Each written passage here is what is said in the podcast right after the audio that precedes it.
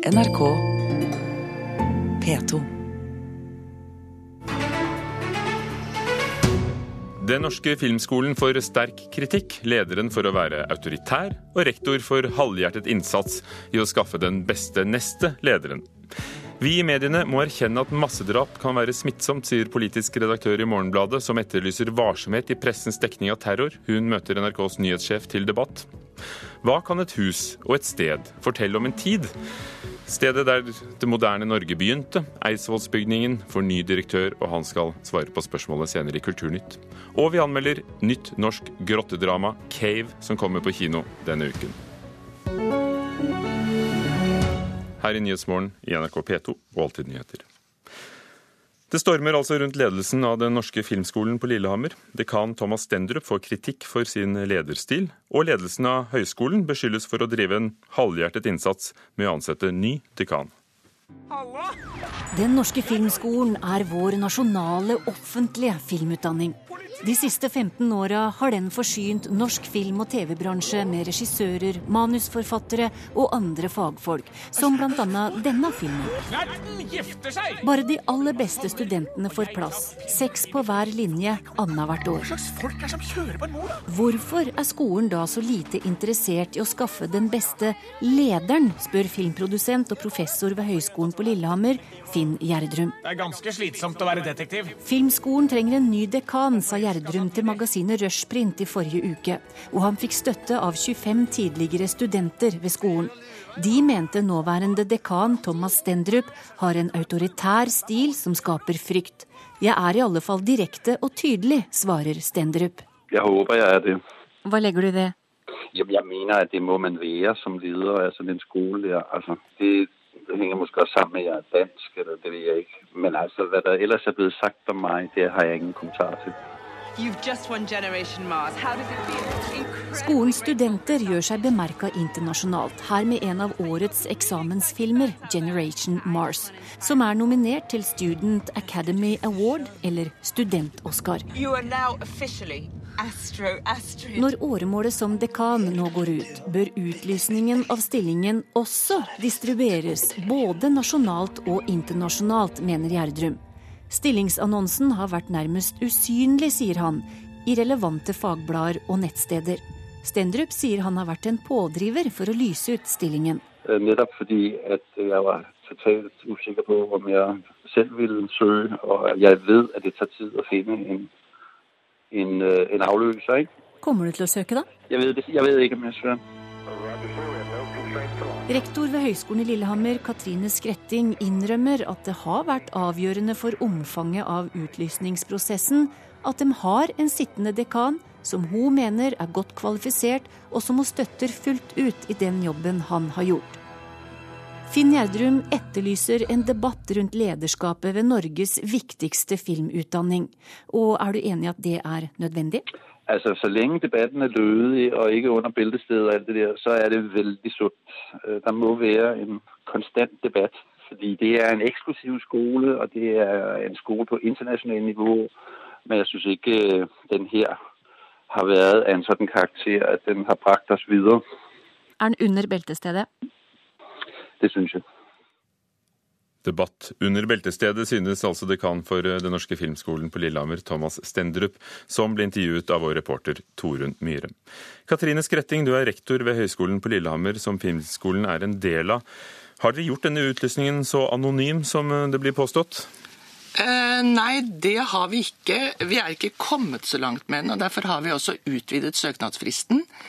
Det er en komité som skal være aktiv i både å lete etter gode kandidater og diskutere prosessen og vurdere søkerne som kommer inn. Og den er ikke ferdig nedsatt enda. Og der, La oss høre. Finn Gjerdrum, eh, vi hørte deg omtalt i reportasjen her. Du er eh, filmprodusent, bl.a. av Kongens nei, som kommer på kino, og, og professor ved Høgskolen i Lillehammer, men eh, TV-linjen.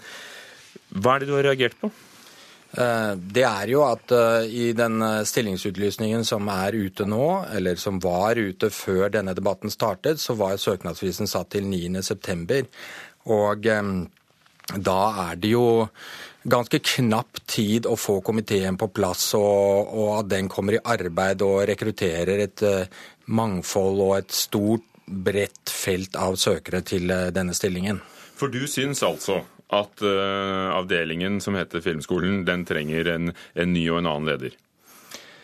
Ja, jeg syns jo at eh, Eller da vi skrev Grønneboken, som var grunnlaget for Filmskolen i sin tid, så var det alltid tiltenkt at disse årmålene, som er av fire års varighet, skulle vare så man kunne gjensøke ett, og altså sitte i åtte år. Nå har Stendrup sittet i åtte år. Da syns jeg det er på tide at vi får en, eh, en ny leder, eventuelt en, stor, en sterk diskusjon om eh, og, og en rekruttering inn til å finne en ny leder. Katrine Skretting, er det nettopp den kritikken som, som kom bl.a. i bransjen, eh, som gjorde at dere forlenget fristen, og nå er den satt til eh, en uke ut i oktober? Den viste med all tydelighet fram at vi ikke var kommet så langt som vi burde i den prosessen, så, så vi så det med en gang at eh, dette klarer vi ikke på den fristen som nå er satt. Vil dere helst ha nåværende dekan sittende, eller vil dere ha en ny? Når vi utlyser en stilling, så gjør vi det fordi at vi skal ha konkurranse om den. Og da er det sånn at eh, vi skal ha mange gode søkere, og vi vil ansette den beste. Og det er sånn som alle dekantilsettinger er eh, i universitets- og høyskolesektoren. Eh, ja, På universitetene så blir de jo valgt, da, men hos dere blir de altså ansatt for åremål. Ja, det er mange steder de blir tilsatt nå, også på flere av universitetene. Finn Gjerdrum, er ikke filmmiljøet såpass lite at alle som er, kan tenkes å, å, ville bli rektor på Den norske filmskolen, vet om det? Og jeg fant da annonsen på, på Finn, som er et av de største stedene for slike annonser. Nå tror jeg de fleste som eh, vil kunne være aktuelle for en sånn stilling, ikke nødvendigvis tenker at jeg er aktuell, denne vil jeg søke, jeg står, nå er jeg arbeidsledig, nå leter jeg etter en jobb, ja, jeg søker den stillingen. Da tror jeg vi får en form for Eh, da blir det en retrettstilling blant folk som ikke egentlig ja, som er litt på vei ut av bransjen. Hvis man går aktivt ut og søker, hvis man bruker et byrå, hvis man bruker et rekrutteringsselskap, så vil man kunne kanskje finne noen kandidater som ikke tenker på seg selv som umiddelbart at ja, den stillingen vil jeg ha, men som kan si oi, det hadde vært en spennende jobb, der tror jeg jeg kunne gjøre en stor innsats. Og det er ikke bare innen filmmiljøet vi må finne denne personen. Jeg tror det finnes mange dyktige ledere som kan utvikle kunstneriske talenter i andre miljøer enn bare filmmiljøet. Og jeg vet ikke, Er det, er det vanlig i universitets- og høyskolemiljøer å, å bruke rekrutteringsbyråer, sånn som næringslivet gjør hele tiden? Vi gjør det. Jeg ble selv satt, tilsatt ved bruk av eh, rekrutteringsbyrå, så vi gjør det, vi gjør det noen ganger. Eh, og i ulike faser. Vi har vel nesten aldri brukt noen helt gjennom prosessen. Vi har gjort det på sluttkandidater, f.eks. Vi har satt i gang nå hele nettverket vårt til å nettopp tenke etter hvem tror du bør søke? Hvem eh, Vi oppfordrer nå alle i bransjen og med gode kontaktnett å tenke nøye gjennom. Hvem kan bli en god dekan? Si det til vedkommende, be vedkommende søke. Men å bruke et eh, byrå, da? Altså, jeg tenkte sånn at De fant jo eh, deg, mener jeg, så Ja. Eh, nei, de fant meg ikke. Jeg søkte, men jeg, kom inn i Jeg kom inn ganske seint i prosessen. Men i hvert fall Hva var det vi holdt på å snakke om? Å bruke et byrå ja, som jo. du blir oppfordret til? Nei, altså Det er vanvittig dyrt. Jeg tenkte hvis vi kunne bruke nettverkene våre og utlyse grundig og ha denne komiteen, som også har leteoppgaver. Eh, og vi har mange medarbeidere som kjenner feltet godt, så tenkte jeg vi kunne klare oss uten. Burde ikke høyskoler klarer sånt selv uten å bruke offentlige penger på, på dyre byråer i Eidrum? Nå sier uh, Katrine at uh, dette er vanvittig dyrt, men dette er også en vanvittig viktig stilling. Hvorfor skal, det? For oss som ser på film? Jo, fordi at dette er den viktigste rekrutteringsplassen til ledere og toneangivende aktører i den norske film- og TV-bransjen i de kommende år. Det er tross alt det vi skal få se på TV, det er det vi skal se på kinoene fremover. Disse kommer fra denne skolen. Takk skal dere ha. I oktober får vi se hvem som har søkt, for da kommer søkerlisten. Finn Eidrum, filmprodusent og professor ved Høgskolen på Lillehammer, hvor Katrine Skretting også er rektor. Takk skal dere ha, begge to. Stedet der det moderne Norge begynte, Eidsvollsbygningen, der riksforsamlingen møttes i februar 1814, og hvor de etter hvert undertegnet Grunnloven, får i dag ny direktør. Bård Frydenlund, velkommen. Takk for det. Hva kan et hus fortelle oss om en tid? Et hus som har inneholdt eh, så sterk og stor historie for, eh, for Norge, det, det, er mange historier å, å, lage ut av. Eh, 200 år tilbake så hadde vi en eh, prosess som på en måte definerte hele det politiske Norge eh, gjennom da en ny grunnlov denne såkalte riksforsamlingen, og hvor vi da også hadde full suverenitet noen, noen uker. Eh, men hele klart at Grunnloven besto, og, og, vi fikk på en måte definert noe. Det er gode eksempler som vi kan på en måte realisere også inn i vår samtid. Du er historiker, Bård Frydenlund, og har skrevet nettopp om 1814. Eh, 'Spill om Norge' het den ene boken din. En annen om vår første statsminister, Peder Anker, som også var den første presidenten av disse mennene som ble samlet på Eidsvoll. Hvordan har dette hvite huset med de to fløyene som stikker ut, blitt et så sterkt visuelt symbol? Eh, grunnloven har jo hatt enorm betydning. Eh, det har den fortsatt, men særlig på 1800-tallet og eh, i ulike konfliktperioder. Særlig norsk nasjonalisme når det virkelig kom og tok av på midten av 1800-tallet. Og særlig når man da også kom inn i en konfliktsituasjon med sin unionspartner Sverige. Da var det viktig å, å holde på Grunnloven, og Grunnloven var synonymt med Eidsvollsbygningen og de to fløyene som du snakker om. Nå er den pustet opp for 340 eh, millioner kroner. For eh, ti års tid siden ble det bygget noe ved siden av som i dag heter Demokratisenteret. Da heter Rikspolitisk senter, som skal bygge bro da, mellom eh, tiden i 1814 og til vår tid. 200 000 besøkte det i jubileumsåret 2014. I fjor var det 90 000, som fortsatt er ganske mange. Men hvordan skal du holde interessen oppe? Jeg tror det er viktig å, å hele tiden aktualisere museet ut ifra sin samtid. Og det å lage gode historier som kan forankres i den viktige historien som var på Eidsvoll for 200 år siden, det finner man så mange ulike eksempler på. Så det er både på godt og vondt innenfor det skal vi kalle norsk politisk historie. Så det er på en måte hele tiden å gjøre seg attraktive, gjøre seg aktuelle, men også kanskje være kontroversielle og provosere også. Og, og våge det å bruke et museum til å provosere noe i sin samtid. Ja, hvor mye er det et museum som forteller disse historiene? Hvor mye er det eh, et flott gammelt hus som akkurat er pusset opp, og, eh, og det huset, eh, hvor det er omviser i tidsriktige kostymer fra 1814. Altså, er det en balanse mellom, mellom iscenesettelse og sirkus og, og, og være tørr og saklig? Ja, ikke sant. Altså, det er, det er, man skal treffe ulike behov hos ulike publikumsgrupper. Og, og, det er et annet budskap ofte man må pakke inn litt for noen, mens, mens andre får mer vil ha det tørre og, og, og hva skal vi si, historieforankrede. Men de husene som ligger der i dag, det er kommet eh, selvfølgelig rullestolheis, mm. det er bygd et kjøkken som kanskje ligner på det som en gang var der. Hvor mye er det igjen av det huset som Karsten Anker fikk eh, bygd til seg selv rundt 1800? Ja, altså det, er jo, det er jo bygget på historiske kilder, den, eller den restaureringsprosessen som har vært nå. sånn at det, det er, eh, om ikke 100% autentisk, så er det på en måte i hvert fall innenfor autentisitetens krav når det gjelder det å, å gjenskape det.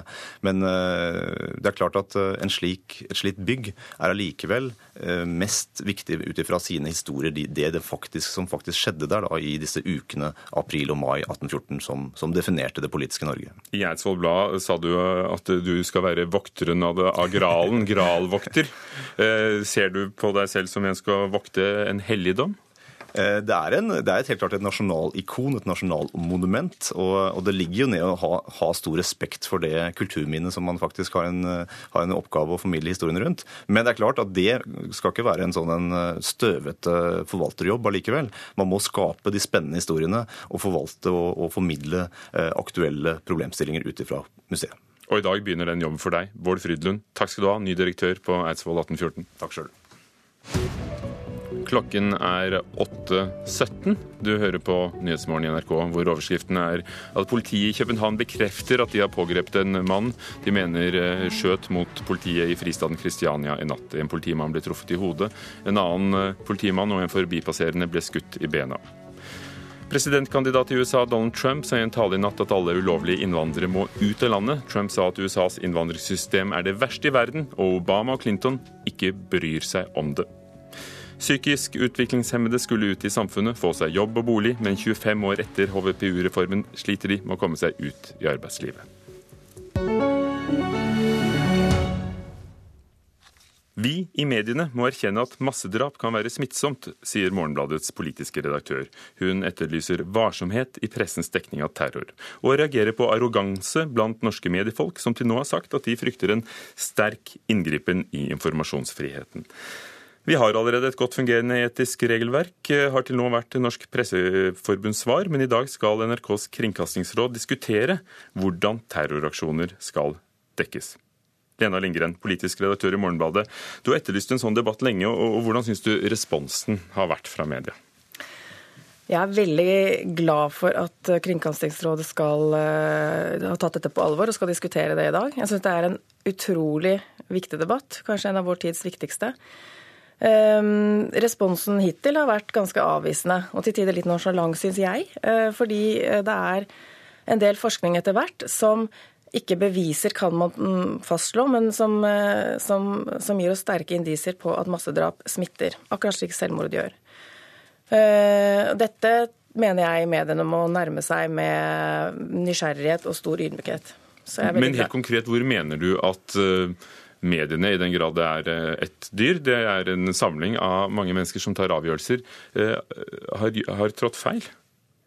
Nei, det mener ikke jeg. jeg, jeg, jeg det, er ikke, det, er ikke, det som er min, innf, altså min, inngangsport, at norske medier går langt over streken og, og eh, er eh, blodtørstige. Det er ikke det. vi er jeg syns vi har all grunn til å være veldig stolt over eh, det etiske nivået i norsk presse og, og våre presseinstitusjoner og VVP, PFU, alt dette, som er veldig unikt i norsk sammenheng. Men jeg mener at vi, når alle sammen går liksom helt til grensen Vi går den kanskje, kanskje ikke over den, men vi, vi har satt grensene ett sted, og den holder vi oss innenfor. Eh, så blir det totale trykket likevel noe helt annet. Eh, og det må vi kunne. Vi må kunne granske det med et annet alvor da, enn det vi har gjort hittil. Alexandra Beverfjord, nyhetsdirektør her i NRK. Senere i dag skal du møte nettopp i Kringkastingsrådet. Eh, hvordan vil du svare på den terrordekningen NRK har hatt? Først så vil jeg si at jeg har jo forståelse for Lena Lindgren at hun tar opp den problemstillinga her. Men jeg kan jo forsikre om at det er en problemstilling som diskuteres heftig og mye i alle store redaksjoner som dekker terrorangrep. Det er en rekke etiske vurderinger som gjøres når man står overfor eh, den type hendelser. Og vi har også Vær varsom-plakaten som eh, kompass, med 4.1-punktet eh, om saklighet og omtanke når vi gjør de vurderingene. I praksis så betyr det at vi er varsomme når vi omtaler gjerningspersoner, terrorister. Vi passer på bildebruken, vi er forsiktige med å bruke det som kan minne om, eller det som er propagandamateriell. Så det jobbes jo intenst med akkurat den delen. Eh, og så er det jo det andre poenget som går på som Lindgren og flere har, har åpna for, er jo skal man prøve å boikotte eh, hendelsene mediemessig. Så skal man la være å dekke det eller la være å omtale eh, terroristens navn og osv. Det er jeg si, det er en retning som ingen store norske medier er med på, eller internasjonale medier. I Frankrike ble det tatt til orde for det, også i Tyskland etter hendelsen i München eh, og i Nis. Nettopp fordi det viser seg, eh, og er indisier på, at eh, en del av terroristene faktisk har psykiatriske problemer og, og søker nettopp den berømmelsen media gir. Er det, er det et element du, du, er opptatt av, Lindgren? Danmarks Radio har også gjort det samme, nyhetsavdelingen der. Ehm, jeg mener ikke at vi skal jeg har ikke tatt til orde for at norske medier skal innføre navneforbud, bildeforbud eller ikke omtale dette er, kjem, altså dette er jo veldig viktige hendelser som vi trenger, vi trenger informasjon om det. Vi trenger informasjon spesielt om årsakene til at noen mennesker havner i et så totalt utenforskap at de begår den typen ugjerninger. Men vi må kunne drøfte det, det, totale samlede trykket når alle liksom rydder nyhetssendingen i 24 timer på rad. Alle viser bilder, øh, gjengir detaljer, uttalelser. Uh, jeg tviler ikke på at hver enkelt redaksjon kan ha en, uh, en, en veldig gjennomtenkt etisk vurdering, men, men vi, er, vi, er, i et felles og, og for, for, det er jo tendensen, Befjord, at når det skjer en stor hendelse internasjonalt, mm. så ryddes sendeflatene. Ikke bare her i huset, men, men i alle medier, og forsidene ryddes, og nettstedene domineres av én hendelse. Og da blir kanskje trykket så stort. Mm. Vi må ta inn over oss at vi står i en helt annen mediesituasjon nå enn tidligere. Altså, vi lever i en tid der all nyhetsformidling foregår i realtid, og hvor eh, folk har et, eh, en annen forventning om hva slags informasjon de skal ha når det skjer noe stort. Og Den debatten som har vært eh, mediemessig her i Norge, har jo ofte handla om det motsatte, nemlig at det har vært kritikk fra publikum fordi mediene ikke har gitt nok informasjon ved terrorangrep og ulykker og hendelser, hvor mediehuset har fått kritikk for at de enten har vært for sene eller gått av lufta i en eh, livedekning, eller gitt, eh, gitt for lite. Eh, det er klart at uh, Informasjonsbehovet er uh, veldig stort. og Så skal man selvfølgelig vurdere det opp mot forskning som kan peke på mulig smitteeffekt osv. Det er da du må ha kaldt blod i årene som ja, det, det, det, må man absolutt. Men vi må jo også huske på at det kan jo Medieutviklinga går jo litt fortere enn forskninga ofte også. Og vi lever jo i en tid nå hvor, hvor tradisjonelle medier ikke er i noe vakuum. Vi opererer ved siden av internasjonale medier som alle har tilgang på, sosiale medier. Og vi står også overfor en terrororganisasjon som nettopp er kjent for å rekruttere gjennom helt andre kanaler enn tradisjonelle medier. IS har et eh, veldig avansert propagandaapparat som, eh, som henvender seg til unge folk utenfor selvfølgelig tradisjonelle medier, direkte gjennom internett og sosiale medier. Ja. Hvilket fellestrekk er det du ser mellom de terroraksjonene som har, har vært den siste tiden? München, Orlando, Nis? Eh, de som har vært i sommer, har hatt det fellestrekket at de har vært utført av ensomme ulver. Eh, og, og ifølge Europol så er også ensomme ulver eh, den økende trusselen, terrortrusselen. Og da er psykiske lidelser og suicidale trekk fremtredende. Og jeg ser jo Det er mange, eh, mange psykologer og, forskere som ser, eh, ser fellestrekk mellom massedrap og, og, selvmord. Både fordi det, altså smitteeffekten er den samme, og også er ofte at massedrapsaksjoner kamuflerte selvmord. Det er selvmord som gir drapsmannen drapsmann anledning til å iscenesette sitt selvmord på, på, alle verdens forsider. ikke sant? Men det er ikke dokumentert noen Jo, det er det. Det er to, to studier som viser at, uh, som er ganske solide studier, som er amerikanske. For de har jo hatt en, uh, et problem med massedrapsaksjoner i, i mange år, skolemassakre bl.a. Uh, som viser at, Den ene studien viser at, et, et, at det faller med 30% etter Eller at, at massedrapsfrekvensen øker med 30% etter, etter høyprofilerte massedrap. Helt kort, Alexandra Beversfjord. Er denne forskningen noe du tar hensyn til, og som pressen bør ta hensyn til? Det er absolutt noen ting som pressen diskuterer fortløpende. Vi har hatt uh, jevnlige diskusjoner om det, og også tatt uh, mye hensyn til det i dekning av f.eks. selvmord. Uh, så det er en løpende vurdering vi gjør. Og temaet skal opp i Kringkastingsrådet i dag. Takk, ja. Alexandra Beverfjord, nyhetsdirektør i NRK, og Lena Ringgren, politisk redaktør i Morgenbladet. En ny spenningsfilm kommer på kino denne uken. Cave om alt det skumle som kan skje i en grotte. Einar Gullvåg Stolsen har sett den. Cave er et norsk grottedrama. Det er mer enn den engelske tittelen som bidrar til noe internasjonalt og trendy. Musikken gjør også det. Lyddesignen gjør det. Klangene er mest spenningsskapende når filmen ikke går på høygir. Det er gjerne sånn det er i såkalte spenningsfilmer.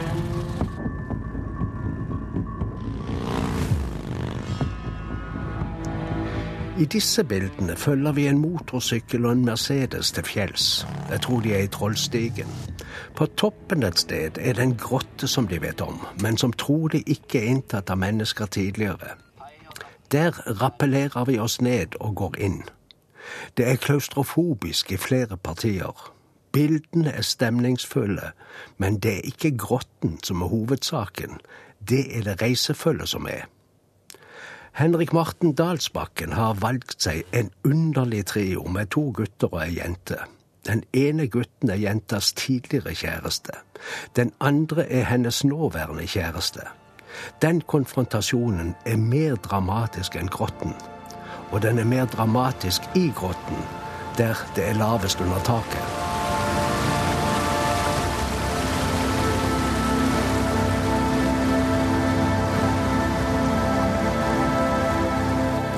Grottefølelsen er forsterket med atskillig pålagt lyd og musikk, og oppleves derfor som mindre ekte enn den er. Sitringen er mest merkbar i scenene der vann, pust, surkling og ekko av fjellvegg er det eneste vi hører. det av Victor. Gikk han ikke bak deg? Jeg trodde Victor!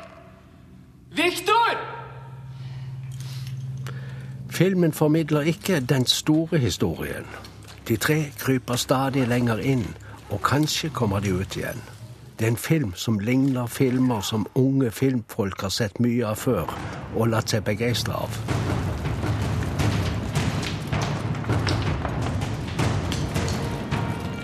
Leken kan bli blodig. Den kan innebære at en eller flere føler trang til å drepe. Det skulle ikke forundre om en gjorde det. Og vi er forberedt. Jeg vil ikke si hvor mange som er tilbake når Inger Helge Gimle plukker opp restene av grotteekspedisjonen i siste sekvens.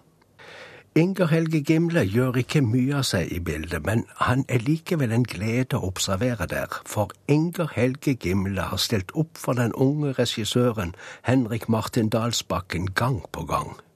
Første gang, i Å vende tilbake, var hans medvirkning avgjørende. Dugnadsproduksjonen ble så skikkelig at Dalsbakken kunne ta to trinn på en gang opp karrierestigen. Nå produserer han i et tempo som ingen følger ham i.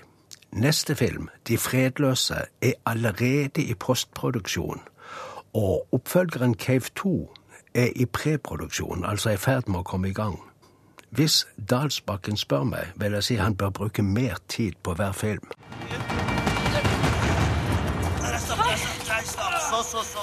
Einar Gullvåg Staalesen om Cave, som kom på kino denne uken. Birger Kåsrud Jåsund var ansvarlig for Kulturnytt, Ugo Fermarello programleder. Du hører på Nyhetsmorgen her i NRK. Klokken er straks halv ni. Hør flere podkaster på nrk.no podkast.